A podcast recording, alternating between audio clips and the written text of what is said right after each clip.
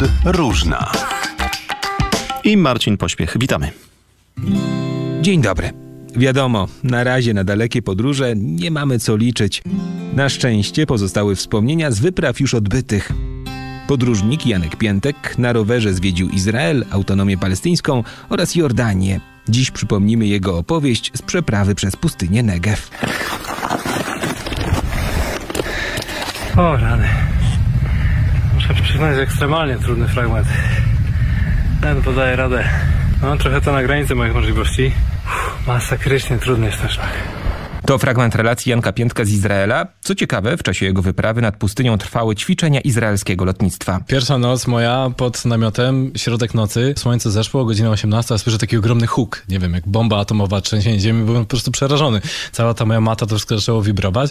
No potem szybko się zorientowałem, że to są te samoloty trzy razy z prędkością dźwięku latające.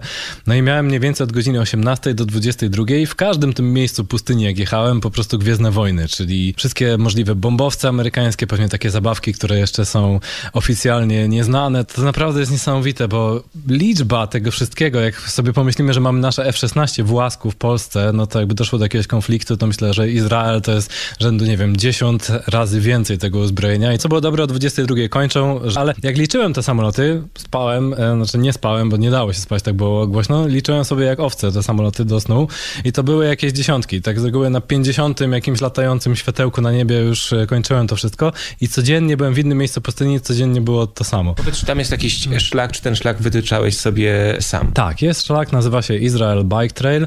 To jest troszeczkę tak jak w Stanach, jak w Australii, wszystko jest sformalizowane, są ślady GPS-owe, można sobie te wszystkie miejsca znaleźć, także gorąco polecam. To jest dosyć trudna trasa technicznie. Żydzi mają coś takiego, że są bardzo zakręceni na punkcie gór i na punkcie outdooru. Też jak się tam w tych wysokich górach człowiek czasem zapędzi, to widać dużo jest wspinaczy z tego regionu. Przez cały Izrael jest e, słynny, bardzo znany szlak pieszy. On się zaczyna na północy, na wzgórzach Golan, kończy na pustyni. To jest 1100 km takiej pieszej wędrówki i to jest jeden z trudniejszych szlaków trekkingowych, zwłaszcza ten pustynny fragment. No, tam taka orla perć to przewija się dość regularnie. Są drabiny, są bardzo duże ekspozycje i po ścianach takich kilkudziesięciometrowych trzeba się tam wspinać. Pieszo jest trudno, rowerem też jest stosunkowo trudno. No nie zmusza nas ten szlak do tego, żeby może się wspinać jeszcze z tym rowerem, ale miałem takie miejsca na przykład, że myślałem, że będę musiał płynąć z rowerem. Nie mogłem znaleźć drogi, są bardzo wąskie, są trudne nawigacyjnie, czasem są osuwiska kamieni, a jak sobie pomyślimy, że to się ciągnie tam przez 300, prawie 400 kilometrów, no to to robi wrażenie. Strasznie forcowne, trudne, dużo przewyższeń, dużo kamieni, wymaga też takiej jednak sprawności na tym rowerze i lekkiego bagażu. To nie jest taki szlak, że można spakować sakwy pod korek i sobie tak zupełnie turystycznie pojechać. To jest troszeczkę taka turystyka górska, rowerowa, niekoniecznie taki trekking. Audycja pod różna. Polacy stęsknili się za podróżami. Jak wynika z badania przeprowadzonego na zlecenie Polskiej Organizacji Turystycznej, prawie co trzecia osoba planuje w najbliższym czasie wyjazd turystyczno-wypoczynkowy z co najmniej jednym noclegiem.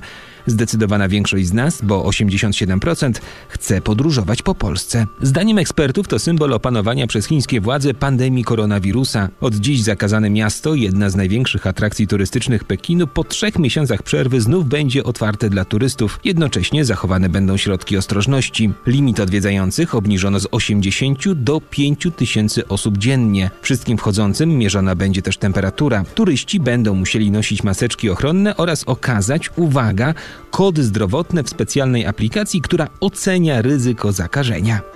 Z Chin przenosimy się do Szwecji, która także zmaga się z pandemią, a walczy z nią, jak się okazuje, niekiedy bardzo oryginalnymi sposobami. Władze miasta Lund postanowiły za wszelką cenę odwieść mieszkańców od uczestnictwa w Nocy Walpurgi, święta obchodzonego z 30 kwietnia na pierwszy dzień maja. Zwykle w miejskim parku gromadzą się tysiące osób. Tym razem chyba było inaczej, jako że władze rozrzuciły na trawnikach ponad tonę kurzego obornika. Proste, proste, a jakie skuteczne. Podróżna powróci. Marcin Pośpiech, do usłyszenia.